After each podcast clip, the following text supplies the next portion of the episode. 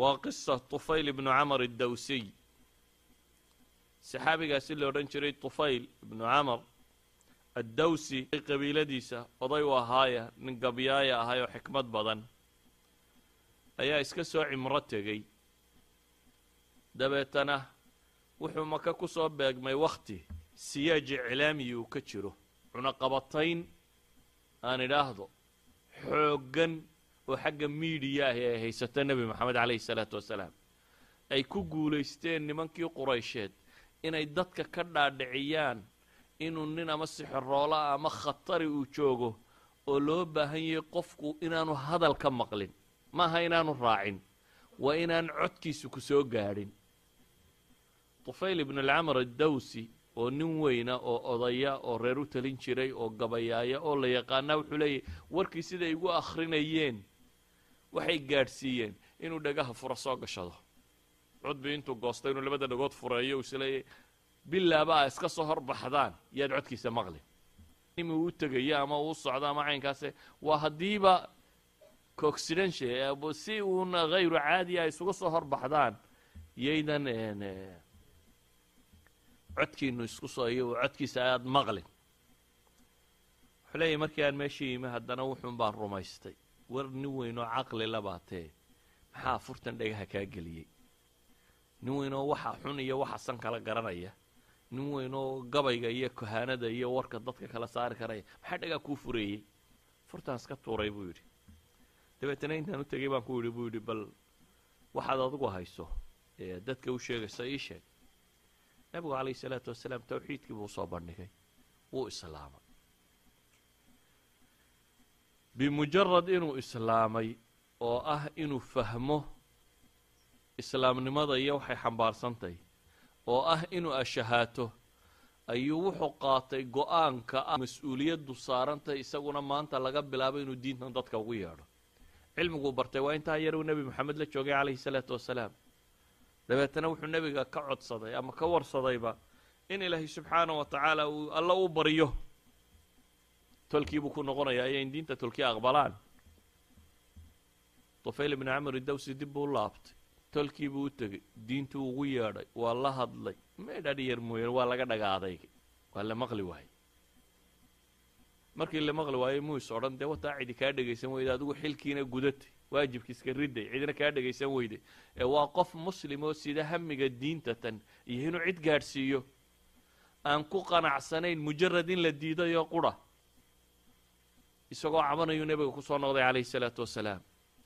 Dabeetana nebiga calayhi salaatu wasalaam wuxuu ku yidhi ilaahay rasuulkiisiiyo reer dows gaalnimadii waa ku madax adeygeen iyo ay wadeen imaqli waaye. Ilaahay u bari ina ilaahay bele ku soo dejiyo habaar. Dadka diiday inay wax islaam dhegaystaan habaar. Xadiidka bukhaari siduu sheegaya saxiixiinkaba ku yaalla bukhaari iyo muslimba nebigu calayhi salaatu wasalaam wuxuu yidhi allaahuma hdi dawsan waati bihim. Halkii laga sugayay inuu habaaro nebigu calayhi salaatu wasalaam wuxuu yidhi ilow reer dows oo hanuuni iyagoo muslimana ayay yimaadaan. Waa u duceeyey nebigu calayhi salaatu wasalaam. Waa ku noqday isagoo weli dareenkii qaba oo dacwaddiisii wada. Culamaai taarikh waxay yidhahdaan toddobaataneeyo siddeetaneeyo qoys isagoo wata ayuu markii dambe nebiga calayhi salaatu wasalaam u yimi oo soo wada islaamay ragguu wato yaa ka mid ah. Diinta alla inugu anfacayba kuwiina soo gaadhsiiyey. Abaa hurayre soo ma maqashaan? Abaa hurayra waa min qabiilati daws waa dawsi. Abaa ka mida ragguu keensaday tufayl bni camari dawsi. Dadkuu diinta gaadhsiiyey. Bimujarad inuu nebiga calayhi salaatu wasalaam rumeeyey ayuu wuxuu xambaaray hamiga ah inuu diintan qaado oo uu cid kalan gaadhsiiyo. Su'aasha isweydiinta le waxa weyaan inagu imisaynu diinta ku jirray imisaynu se gaadhsiinay intaad muslim ahay intaynu diinta tan haysanay intaynu hamiga qisatu abi dhari alkhifaariy saxaabigii la odhan jiray. Laba xadiid oo midna bukhaari iyo muslimba wada warinayaan oo ibnu cabaas leeyay midna muslim keligii warinayo oo bacdi nuqaad ikhtilaaf uu ka jiro jamcintoodana aanay fududayn si kastaba ha ahaatee haddaynu intaynu inagu uga dan leenay soo qaadanay nka ku yaalla bukhaari iyo muslimba abidari alkhifaari nin xaq raadinayuu ahaa akhiiran wuxuu yimi magaaladii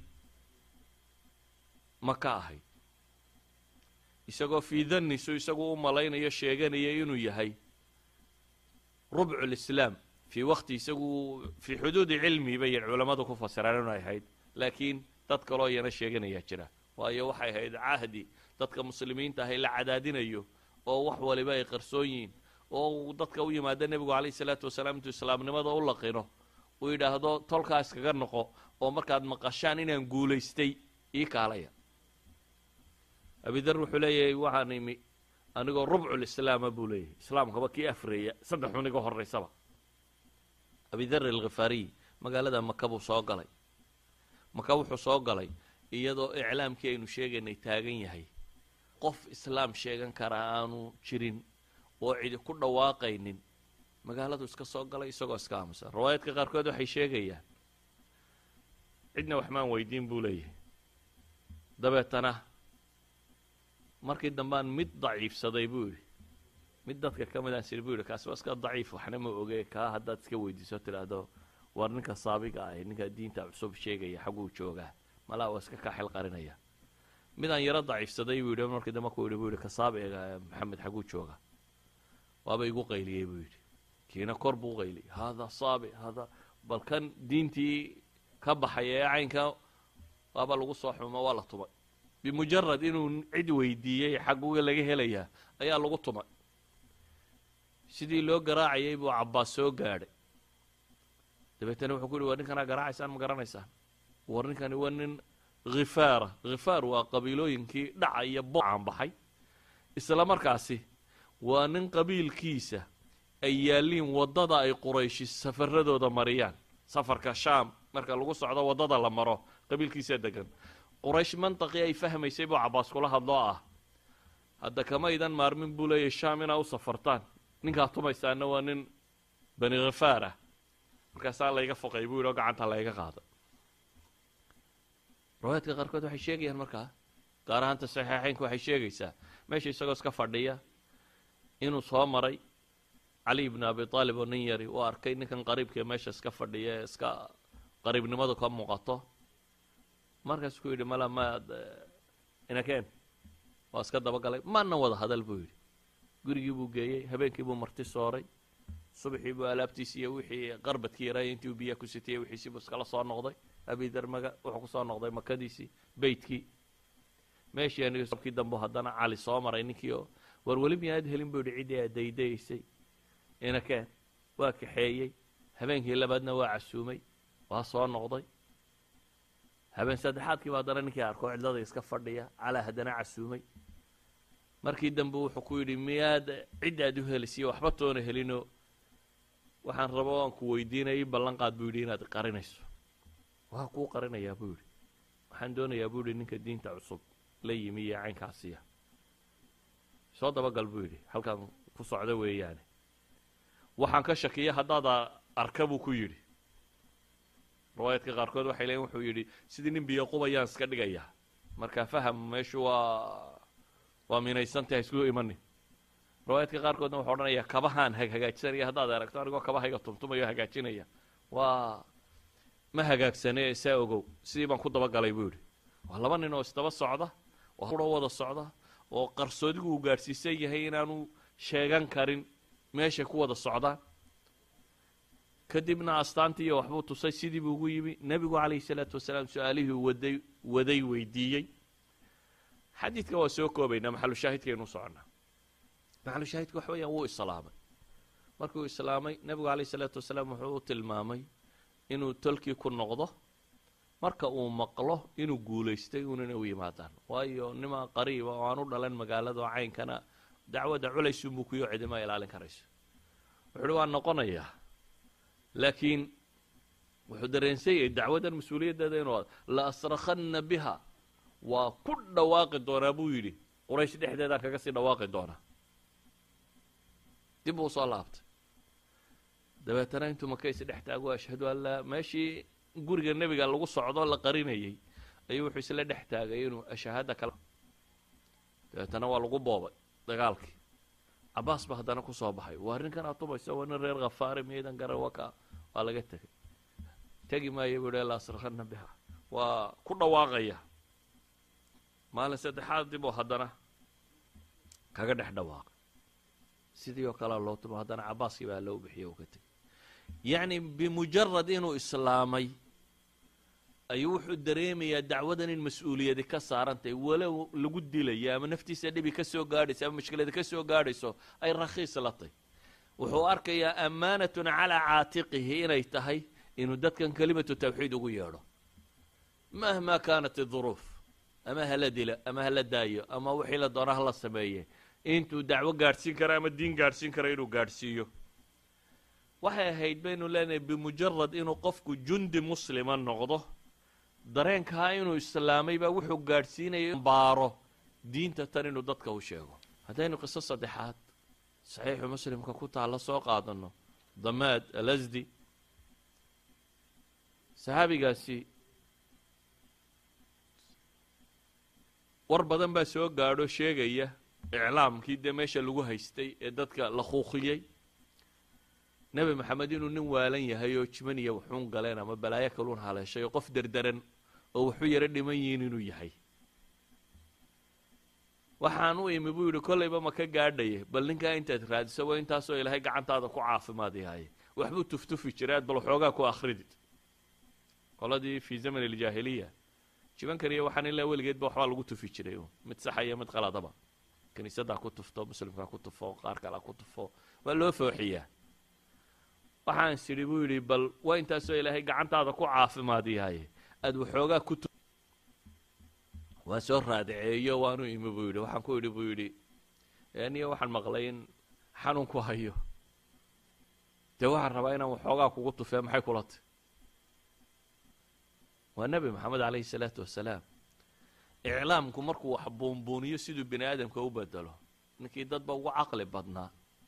Ilaahayba basharka ka dhex doortay. Rasuul iyo nebi ahaa. Ummaddan dhan loo soo diray. Ayaa iclaamku dadka wuxuu ka dhaadhicinaya inuu nin waalan yahay. Inuu nin waalan yaho waxu dhiman yihiin. Kadib markaanu imi buu yidhi waxaan idhi buu yidhi waxaan maqlay in dee xanuunku soo gaadhay. Waxaan rabaa inaan waxoogaa kugu tufo. Nabigu calayhi salaatu wasalaam khudbat alxaaj ayuu akhriyay baa la yidhahdaa. Ina alxamda lilahi naxmadu wanastaciinu khudbadaasuu akhriyey man yahdi illaahu falaa haadiya lah falaa mudila lah wman yudlilu falaa haadiya khudbadaasuu nebigu akhriyay alayh salam biriwaayaatiha almukhtalifa axaadiista qaarkood xamdale iyo intaas axaadiista qaarkood waa ka yaro dheerayaan naska saxiixu muslim uu ka gaaban yahay. Ama dhammee ama gaabe adigu saa doontaba bal nusuusta isugu duduwo khudbat alxaaj ayuu nebigu ku akhriyay calayh salaatu wasalaam. Dabeetana wuxuu ku yidhi acidhaa calaya iigu celi. Markaasuu ugu celiyey nebigu calayh salaatu wasalaam. Markaasuu ku yidhi acidhaa calaya iigu celi. Mar saddexaad buu ugu celiyey wuxuu yidhi anigu gabayaa waan arkay oo sixroolo waan maqlay oo kaahin waan maqlay oo kan waan maqlay warkanaad sheegaysaa intaa midna uma eka.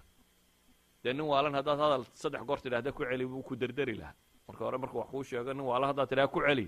Wax kaloo haddana akhrii lahaa dee mar labaadka haddaad tidhaha ku celi wax kaluu sheegi lahaa waxaa muuqataa ninkani nin waalan inaan ahayn nebigu calayhi salaatu wasalaam. Waxaa kaloo muuqda waxaanuu ka hadlayaa khudbat ulxaaj waa tawxiid iyo xamdale iyo istikfaar iyo tashahud wuxuu ka waramayaa inay tahay mantiqii dacwada islaamigaaba wixii uu dadka ugu yeedhay nebigu calayh isalaatu wasalaam. Calaa kullin meeshaan u socdaa waxa weeyaan wuu islaama. Damaamkii rabay inuu wax ku tufo nebiga calayhi salaatu wasalaam wuu islaamay. Markuu islaamay ayuu wuxuu ku yidhi keen gacanta baycan kula gelaya heshiis baan kugula gelayahay waa islaamkaan qaadanaya. Nebigu calayhi salaatu wasalaam markuu heshiiska la galay buu wuxuu ku yidhi wa calaa qawmik. Keligaa ma rabo. Dalkaana heshiis igula gal. Waa ninka hadda islaamay ayaa laga rabaa dacwaddaa inuu xambaaro oo qabiilkiisii intuu u tago inuu isagu diin gaadhsiiyo. Ninkaa hadda islaamay ayaa la rabaa inuu xambaaro diinta tana uu gaadhsiiyo tolkii oo uu nebigu rabaa inuu heshiis hadda kula galo calayhi salaatu wasalaam. Markaasu wuxuu yidhi wa calaa qawmi. Naftayda iyo tolkayba labadaba waa kugula gelaya. Tolkiina wuu gaadhsiiyey diintii. Yacni waxay ahayd dacwadda islaamigu fii cahdi asaxaaba oo fii jiili muslimiintiiyo koowaad wax la mida qariinu ila alislaam qofku inuu islaamnimada qaatay oo uu muslim noqday ayaa waxay ku fillayd inuu daaci yahay inuu diinta soo galay ayaa waxay ku filayd inuu daaciyey kuwa aynan arkayninna qur'aankaa saasoo kale inooga sheegay. Yani saxaabadii la arkayay bidhaantooda la yaqaanay iyagaa ka warramay axaadiistaa soo aroorisay. Nebi maxamedna calayhi salaatu wasalaam jin iyo insiba waa loo soo diray. Xataa jinkii rumeeyey dariiqadan buu isna maray. Jinku inay dariiqadan mareen iyaga axaadiis saxaaba inooga soo warisay ma jirto laakiin rabu samaawaati waalardi baa ka warramay. Iyana ka warramaya inay baabkan u wadeen. Saa daraaddeed baa ilahay qur'aanka wuxuu ku leeyahy waid sarafnaa ilayka nafara min aljini yastamicuuna alqur'an falama xadaruuhu qaluu ansituu falama qudiya wallow ilaa qowmihim mundiriin qaluu ya qowmana ina samicna kitaaba unzila min bacdi muusa musadiqa lima bayna yadayhi yahdi ila alxaq waila طariiqi mustaqiim ya qowmana ajiibuu daaciya allahi waaaaminuu bih yagfir lakum min dunuubikum wayujirkum min cadaabin aliim waman laa yujib daaciya allah aayaadkaasi fii suurati alaxqaaf gabagabadeeda ku jira rabbi subxaana wa tacaala wuxuu leeyay waid sarafnaa ilayka nafara min waxaad xustaa nebi maxamed oo dadka uga warantaa markaanu xaggaaga u soo weecinnay koox jinka ka mid ah oo ay ku dhegaysteen baa ilaahay leeyo qur'aanka ay dhegaysteen markii ay qur'aanka maqleenna warbal aamusa bay idhaahdeen. Aamusa falamaa xadaruuhu qaaluu ansituu fiican u fahamna warkuu sheegaye markay aamuseenay dhegaysteen qur'aankiina falamaa qudiya wallow ilaa qowmihim mundiriin baa ilaha yidhi. Nebi maxamed markuu qur'aanka dhammeeyey iyana ducaad bay ahaayeen waxay bilaabeen inay tolkood u yeedhaan baa la yidhi subxaana wa tacaala. Yani qur'aanku wuxuu inoo tilmaamayaa bimujarad inay qur'aan dhegaysteen oo islaameen oo nebi maxamed calayhi salaatu wasalaam rumeeyeen inay dareemeen mas'uuliyadda in dacwadan iyagana saaran tahay. Inay xambaaraan markaaba oo cidda ka dambaysa. Cilmi intee laga bay barteen? Waxaa la sheeguun inay aamusays yidhahdeen oo qur'aan dhegaysteen intaasay barteen. Tii qur'aankii uu nebigu akrinaya calayhi salaatu wasalaam ayay barteen. Kadibna way laabteen. Waxay la laabteen wallow ilaa qowmihim mundiriin qaluu yaa qowmana ina samicna kitaaba unzila min bacdi muusa musadiqa lima bayna yadayhi yahdi ila alxaqi wa ilaa ariiqi mustaqiim kayow bay yidhahdeen waxaanu soo maqalnay. Kitaab la soo dejiyey muuse gadaashi oo wixii muuse uu wadayna rumaynaya xaqana dadka ku hanuuninaya iyo jidka toosan. Yaa qowmanaa ajiibuu daaciya allah. Tolkayow maqla ilaahay subxaana wa tacaala kan diintiisa dadka ugu yeedhaya wa aaminuu bihi yakfir lakum. Allana rumeeya subxaana wa tacaala iyo rasuulkiisaba ilaahay baa dembigiina dhaaf iyo cadaabka idinka dhow. Yacni waxaan u daliishanaynaa un inaan fahamno. Haddaynu insigii saxaabada a fahamnay saxaabadii jinka ahaydna ee nebi maxamed calayhi salaatu wasalaam diinta ka dhegaysatayna inay mas'uuliyadaa xambaareen bimujarad inay qur'aanka maqleen. Bal aan eegna siiradii ambiyada qur'aanka ilaahay kaga warramayo iyo kuwii raacay ee nebiyada la socday.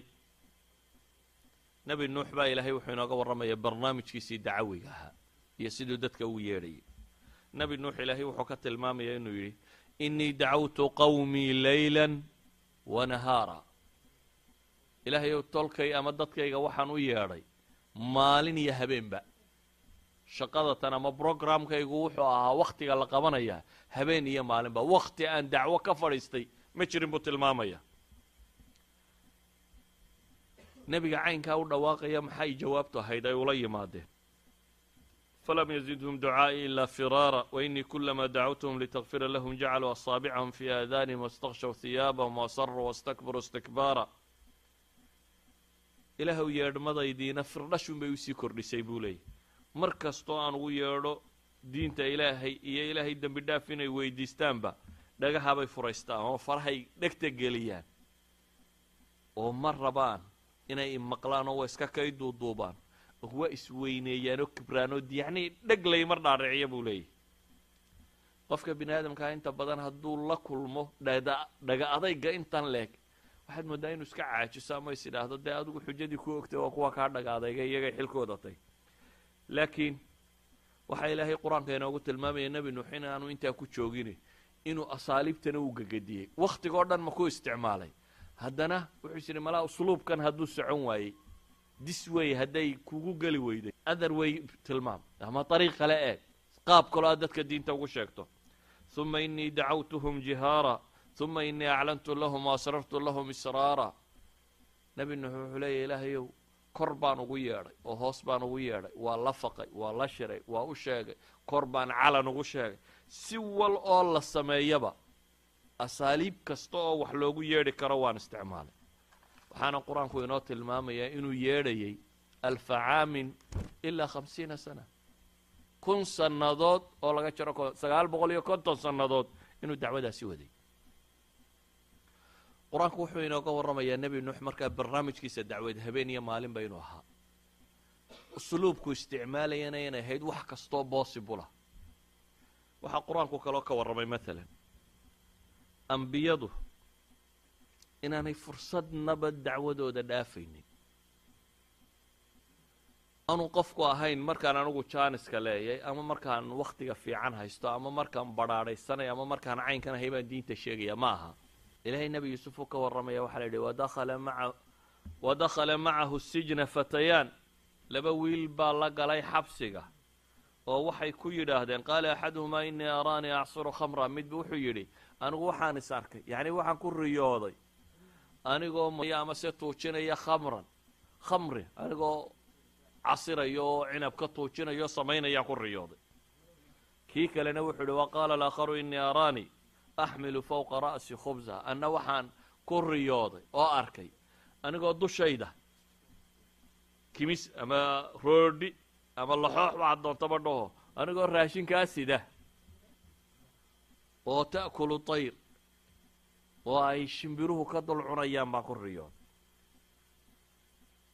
nabi'na bitawiilih inaa naraaka min almuxsiniin bal nooga waran fasirkeeda noo sheeg waxaanu kaloo ku arkaynaa inaad nin ixsaan badan tahay. Daacigu walow kaafirna ha noqdee waa nin muxsin oo cidda dad kasta u samafala. Waayo waxaynu arkaynaa nebi yuusuf oo maxaabiistu samafalay. Waxaynu arkaynaa nebi yuusuf oo boqorkii soo xidhay. Intuu riyooday cid riyada u fasirta waaye aan odhanin waa nagala tagolado adiga xabsiga nugu cid ku fasirta doondoone isagoo xabsiga ku jira inta la daba socdo laleeyahy noo fasir. Riyada tan boqorkii baa u baahane oo u arkaya inuu bulsho badbaadiyo oo muxuu ku badbaadinayaa brogram iqtisaadiya. Inuu dego khito iqtisaadiyo shan iyo tobanka sannadood ee soo socda toddoba sannadood oo abaari inay ku dhex jiraan. Bulshada iyo waddankaasi siday uga badbaadi lahaayeen abaarta. Waa bulshiyo waddan aya ah waa bulshiyo waddan gaalo ah. Ma aha dad muslimiina khitadan umu degayn dad gaaleed buu badbaadinayay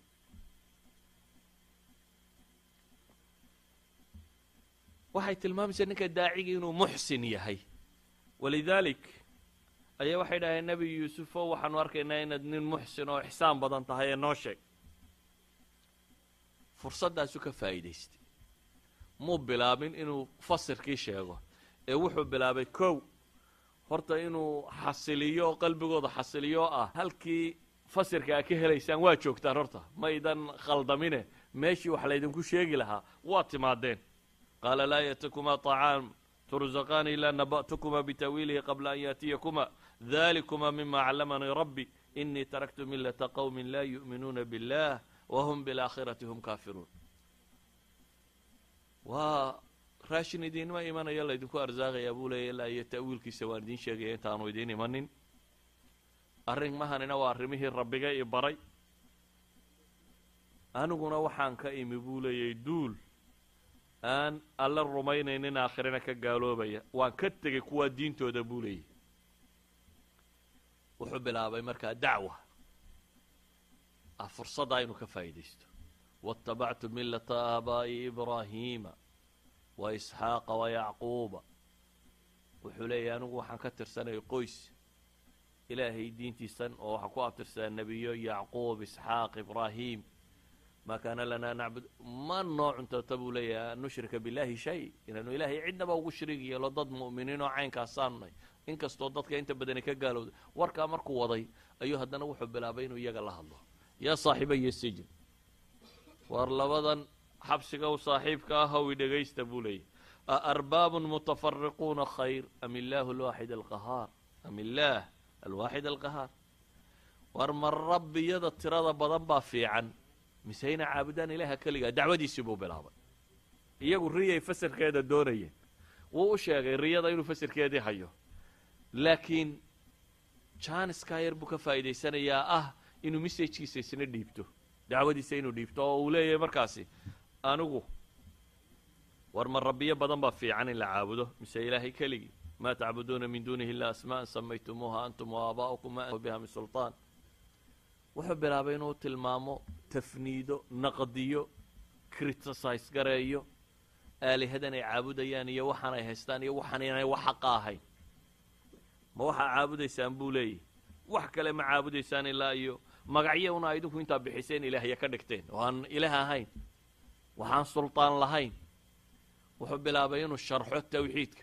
In ilxukmu ila lilah amara an laa tacbuduu ila iyah dalika diin اlqayim walakina aktar annaasi laa yaclamuun markuu muxaadaro dhan oo saddex aayadood oo qur'aana ilaahay inoogu tilmaamayo oo tawxiidka ka warramaysa oo meeshii uu u bedelayba madraso tawxiidka lagu sharxo ayuu wuxuu bilaabay intaa kadib inuu warkoodii siiyo oo ah yaa saaxibaya sijn ama axadukumaa fayasqii rabbahu khamra wa ama alaakharu fayuslab markaasuu u bilaabay inuu fasiro maxaan daliilka maxalu shaahidkaynuu socna waa maxay waxa weeyaan qof daacig ah inaan wakti gaara ahayn ee wadiifat alcumri inay dacwadu tahay qofka muslimkii any janis uu helo wakti kasta uu fursad helo in laga rabo inuu daaci noqdo diintiisa dadka gaadhsiiyo xataa hadduu maxbuus yahay oo uu qurbo ku nool yahay oo uu qariib yahay oo la xabsiyo oo la dulmiyo oo la cadaadiyo waxaasoo dhiba uu ku jiro. Haddana qofka mu'minkii inuu weli haysto saaxa uu diintiisa dadka ka gaadhsiin karo qofkii xorta ahaa markaa maxaad u malaynaysa? Ama waktiga haystay ilaahi subxaana wa tacaala qur'aanka wuxuu kaga warramayaa nebi yacquub. Am kuntum shuhada'a id xadara yacquuba almowtu id qaala libaniihi ma tacbuduuna min bacdi? Acbudu ilaahaka wa ilaaha aabaa'ik. Ibraahiima waxay leeyihiin yani nebi yacquub baa ilaahay wuxuu ina leeyahy subxaana wa tacaala miyaa xaadirteen oo joogteen? Ma markhaato ahaydeen waa soo xaadirteen markii nebi yacquub geeridu ay ku soo ururtay. Id xadara yacquuba almowt geeridu markaa u timid. Nebi yacquub iyadoo geeridu haysato wuu dardaarmayaa laakiin muxuu ka dardaarmayaa dacwa iyo diin buu ka dardaarmaya. Xoolaha aabbayaal markaan dhinto saydun odhanayo reeraha saydun loo dhaqmayo halkee reerka la de waxaa kama dardaarmayo wuxuu ka dardaarmayaa maa tacbuduuna min bacdi waar aniga gadaashay maxaydin caabudi? Halkaaad diintii dhigi doontaan dabeetana waxay leeyihiin markaasi nacbudu ilaahaka wa ilaaha aabaa'ika ibraahiima waismaaciila waisxaaqa ilaahan waaxida wanaxnu lahu muslimuun. Aabba waxaanu caabudi doonaa alle subxaana wa tacaala. Allihii waa caabudi jireen aabbayaasha ibraahim nebi ismaaciil nebi isxaaq. Wax kaloo aanu samaynaynaana ma jirtee isagaanu muslimiin u ahaanaynaa idan waa aakhiru laxda fii xayaatih ayuu nebiga kani wuxuu tijaabinayaa inuu mas'uuliyaddii dareemo ahayd in dacwada tani mas'uuliya ka saaranta. Inuu dadka gaadhsiiyo uu xaqiijiyo ilmihiisu waxay samayn doonaan isaga geeridiisa dabadeed. Idan waxaa laynoo tilmaamay nebi habeen iyo maalinba dacwo wada. Asluub kasta ama qaab kasta oo wax loogu yeedhana ku yeedhaya. Sagaal boqol iyo konton sannadoodna waday. Waxaa laynoo tilmaamay nebi xabsi ku jira oo qurbo ku nool. Waddankiisii waddan aan ahayn jooga oo la dulmiyey oo lawcatul gurba iyo xabsi iyo dulmi iyo waxaasoo dhibi haystaan oo haddana janis yar markuu helo dacwadiisii wata oo tawxiidka dadka ugu yeedhaya. Waxaa laynoo tilmaamaya nebi naftu ka sii baxayso oo damaya oo ka dardaarmaya dacwo iyo diintii waxa laga yeelayo. Waxaa ilaahay subxaana wa tacaala inoo soo diray nebi moxamed calayhi salaatu wasalaam oo noloshiisa oo dhami dacwad ahayd oo isna xataa markay naftu ka sii baxaysay shantiisii maalmood ee ugu dambaysay imise xadiis baa laga soo wariya isagoo jiifa oo sakaraada oo xanuunsanaya oo xumadoonaya oo le ilaahay rasuulkiisiiyo xumaddu xoog bay ku haysaa. Laleeya uu leeyahy laba idinka idinka midi siday u xumadoonaysaa baan u xumadoonaya. Oo la leeyahay waa ajarka badan aad heli doonto sidaa u xumadoonaya ayaa haddana wuxuu ka warramayay. War xabaashayda ha ka dhiganina meel a ku cibaadaysta ama ciid ha ka dhiganina. Wuxuu ka warramayay ahlu kitaabku ambiyadoodi iyo xabaalihii iyo wixii bay ka dhigeen meelaha ilaahay khayrkii lagu caabuday inaan lagu caabudin ama la dhisin ama wuxuu ka warramayay fii aakhiri laxdaat baa la yidhaha nebigu maxaa ka mid ahaa? Waxyaabihii ugu dambeeyey markuu geeriyoonayay intuu iska fayday marada yuu eegay. Saxaabadiisiiyo tukanaysa oo abibakar tukinayo salaada ku jira. Aakhir kalimaad uu ku sii warramaya waxayd isagoo dardaarmayoo leh. Alsalaa alsalaa wamaa malakat aymaanukum isagoo dardaarmayoo leh allah allah alsalaa alsalaa wamaa malakat aymaanukum dadka ugu yeedhaya alle subxaana wa tacaala ugu yeedhaya inay salaada ilaaliyaan ugu yeedhaya inay xaqa dhowraan dadka addoomaha iyo wixii gacantooda ku jira. Qur'aankaabaa inooga warramaya in ilaahay leeyahy subxaana wa tacaala mas'uuliyaddan siduu u dareemayo uu ugu warwarayo ilaahay uu kula talinayo inaanu naftiisa halaagin. Falacalaka baaqicu nafsaka calaa aathaari min lam yu'minuu bihada alxadiidi asafa ilaahay baa subxaana wa tacaala looga qalbi qaboojinaya inaanu naftiisa ku halaagin. Warwar uu warwaraya diintan dara. Mas'uuliyadda diintan in dadka loogu yeedho waxay saaran tahay qof kasta oo muslima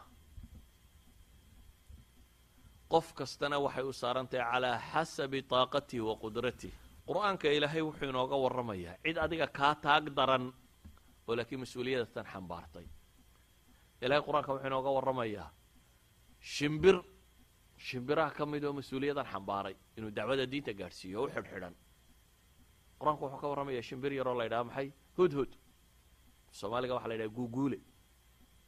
Shimbirkan yare guuguula la ydhaha guuguula la ydhaha dhoorka yar leh ee meelahaasi jooga.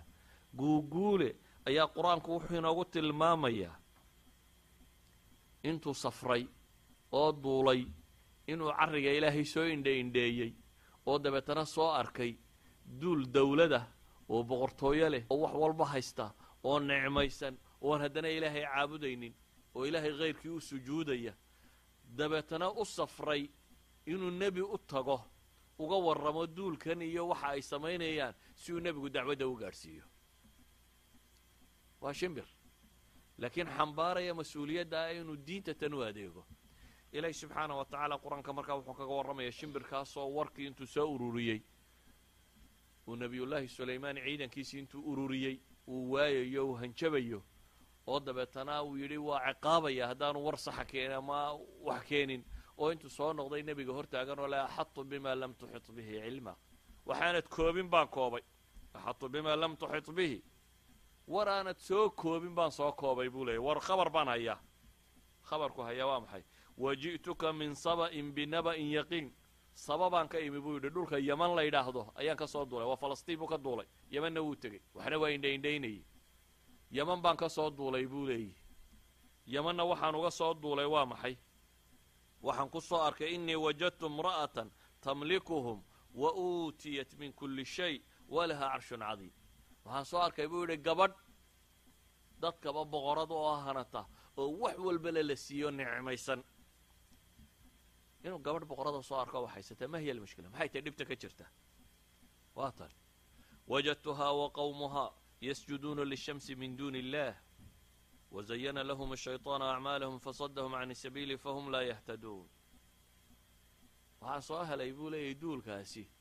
Waxaan ku soo ogaaday iyadiyo qoomkeedaba oo cadceedda u sujuudaya. Ilaahay sukadii subxaana wa tacaala. Oo shaydaan waxa u qurqurxiyo aan duul hanuunsan ahayn dabeetana khitaab istinkaariya iyo arrintaas siduu u diidan yahay buu nebi sulaymaan u sheegayaa laa yasjuduu lilahi aladii yukhriju alkhab'a fi asamaawaati walard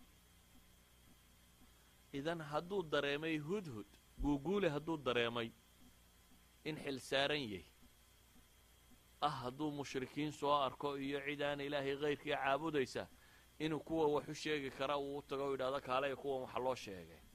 Xilkaasuu dareemay hudhudku in xil saaran yahay oo uu ka saaran yahay kuwan ilaahay kayrkii caabudaya. Inuu ka saaran yahay inuu dadka kan tawxiidka gaadhsiiyo. Inuu calal aqal dowrkiisa guto ah inuu u tago ciddii gaadhsiin lahayd dadka kan tawxiidka. Ma adigoo ilaahay waxaanu xoog iyo caqli iyo awood iyo raganimo ku siiyo bini aadamka ha dhigay baan dawr ku lahayn inaad diin dad gaadhsiiso. Shimbir baa dawr lehe adugu xaggaad joogtaa. Magaalo yaroo saddex rasuul loo soo diray oo haddana nin kale isna xilkaa isa saaro qaaday. Waa meel saddex rasuul joogto maaha meel maran. Qur'aanka ilaahay wuxuu inoogu tilmaamaya subxaana wa tacaala wadrib lahum mahala asxaaba alqarya id jaa'aha almursaluun id arsalnaa ilayhim itnayni fakadabuuhuma facazazna bihaalith faqaaluu innaa ilaykum mursaluun. Ilahay wuxuu leeyay subxaana wa tacaala dadka waxaad u sheegtaa u caddee tusaalaha kan qoladii magaalada deganayd ee rususha ay u timi baa ilaahay yidhi id arsalnaa ilayhim اثnayn waxaad u sheegtaa baa la leeyay subxaana wa tacaala markaan u soo diray laba. Culamada badh waxay ku fasiraan inuu nebi ciise uu soo diray. Laakiin maadaama ay ciise ka socdaan in lagu cabirayo inay yihiin ciisena dee ilahay buu ka socdaa ay warkay sidaan warkii alla un inuu yahy haddii daahirkeeda wax diidayaa ma jiraan calaa kulli xaal hadduu ciise soo dirayna waa cid muhimadan qaadi kartoo loogu talagalay inay qaado labaa la soo diro markaasaa la beeniyey. Mid saddexaad baa laga daba keenay haddana. Facazaznaahum bithaalith saddex rasuul magaalo ay joogto oo dadkiina dhagaa furaysteen oo layshayaa ayaa ilaahay qur'aanka wuxuu kaga warramayaa. Wa jaa'a min aqsa almadiinati rajulun yascaa magaalada halka ugu fog nin baa ka yimi. Degdegaya baa la yidhi ninka kan isagaa rasuul iyo sifaadkaa lama siinin qoladii hore rasuul bay ahayd. Ama min ha ka yimaadaa nebi ciise ama allaba ha soo diro rusul bay ahaayeen. Amaa kan waxaa la yidhi wa jaa'a min aqsa almadiinati rajul. Waa nin la nakireeyey. Magaalada halka ugu fog nin baa ka yimi baa la yidhi oo degdegsan. Ninkan degdegayaa muxuu wadaa? Waxa uu wadaa yaa qowmi ittabicuu lmursaliin ittabicuu man laa yasalukum ajran wahum muhtaduun waar tolkayow buu leeyay raaca rususha laydiin soo diray. Waa raaca kuwa hanuunsan waan wax adduunana idinka doonaynin. Qofku hadduu labadaas sifaba wada wato inaanu hanuunsan yahay isagu marka hore mar labaadna si wax brifatekiisa ama wax shaksiya ama waxuu isagu doonaya aanay jirin oo kaa helayaaba ee ilaahay dartii unuu kuugu yeedhayo daawadu ilaahay dartii markay tahay bay wax dadka gala tahay walidalik baa rasuul kasta ilaahay wuxuu lahaa iclaanka a qaado sloganka a maa asalukum calayhi min ajri baa nebi walba la yidhi waxaad ku tidhaha dadka waa anigu waxba idinkama rabo waayo hadday dadku is idhahdaan qofkan danbaa ugu jirta waxaa laga yaabaa inay tuhmaad badan kee keenaan lakiin haddaad danba ka lahayn dadka kan waxay arkayaan waxaad naseexa inay tay ini lakum naasixun amiin haddaad tahay idan ilaahay wuxuu inoo tilmaamaya subxaana wa tacaala ninka kani isma odhanin war meesha saddex rasuul baa jooga adiga shaqadaad ku leeday waa maxay? Tuulada saddex rasuul baa taagan. Meel saddex rasuul joogto adiga waa maxay shaqadaa lagaa rabaa? Muu odhanin. Ilaahay wuxuu tilmaamayaa isagoo saddex rasuul joogaan inuu isna shaqada dhinaciisa ka wado uu leeyahay war hala raaco rusushatan. Hala raaco rusushatan. Macnaheedu waxay tilmaamaysaa marka ayuha alikhwa qof kasta oo muslima inuu saaran yahay xil ah inuu diinta dadka gaadhsiiyo. Inuu saaran yahay xil ah islaamnimada inuu mas'uul ka yahay. Inuu saaran yahay xil ah inuu dareemo inuu safiir yahay. Matelaya rasuulkii nebi moxamed calayhi salaatu wasalaam. Inuu dareemo nebi moxamed calayhi salaatu wasalaam inuu saxaabadiisa kula balliquu canii walow aaya inuu tilmaamayay ruba muballagin awcaa min saamic la arkee in mid la gaadhsiiyey uu ka weelayn bato kii wax maqlayba waxaa laga yaabaa mid aad adigu unu yeedho tidhi war laa ilaha illa allah iska dho ashaadoo caynkana in ilahay dadkaba ku anfaco isagu daaciga kama dambaystaa u noqdo waxuu yeedho dhana jirkooda insha allah adna waad leedahay laakiin adiga ilaahay wuxuu ku haleeshiiyey inaad isagun tawxiidka u laqinto diinta soo geliso. Idan qofka muslimka ah hadday dadka muslimiinta ahi maanta bilyuun iyo badhka ama labada bilyuun ee dhadhowe dunidan kor saarane hadday mas'uuliyadaa dareemi lahaayeen caalamka intaynu kaga soo hoyan lahayn inuu islaamo. Mas'uuliyadaa jiilu saxaaba ay dareensanaayeenee ah intay islaamaan maanta inay noqonayeen iyagoo ducaada oo tolkood mid iyo laba iyo saddex baan idin tilmaamay lakiin saxaabada haddaynu ka waranno markuu xataa nebigu madiine tegey saxaabadii hore madiina timi iyo dacwadda say u faafiyeen haddaan ka waranno sacad ibnu cubaada markuu isla reer bani cabdilashaal muxuu ku lahaa wax dababa cuni maayo haddaydaan islaamin. Tolkii oo dhammaantuu soo islaamay. Tolkii oo dhanna wuxuu ka rabaa inay islaamaan. Haddaynu ka waranno taariikhi saxaaba iyo nin waliba markuu islaamnimada soo galay iyo hamiga kan siduu u xambaaray ama u qaaday. Dadka kan hamiga inay diinta dadka gaadhsiiyaan baa ku weyna. Abibakar intuu islaamay oo nebigu calayhi salaatu wasalaam isagoo qof qof u yeedhay ugu yeedhay dadka uga hor yeedhay oo diinta u sheegay oo islaamay ayuu noqday. Casharat lmubashiriin lix ka mida isagaa keenaa la ydhahda aakhiro fii wasni abibakar bay ku biirayaan. Cabdiraxmaan ibnu cawf cuثmaan ibnu cafaan zubayr ibnu alcawaam طalxa abu cubayda bnu lja yani lix nin oo ka mida baa la ydhaha casharat lmubashiriin abibakar baa keenay waa qofku hadduu mas'uuliyadda dareemo goormuu keenayaa shalaa diinta loo sheegay qur'aanba wax yar baa ka soo dego makaa la joogaa waa maalmihii ugu horraysay laakiin bimujarad inuu wax fahmay ayuu qaaday dacwadatan qofku bimujarad inuu ashahaato laa ilaaha ila allah muxamadun rasuulu llah yidhaahdo ayaa xilkani ku fuura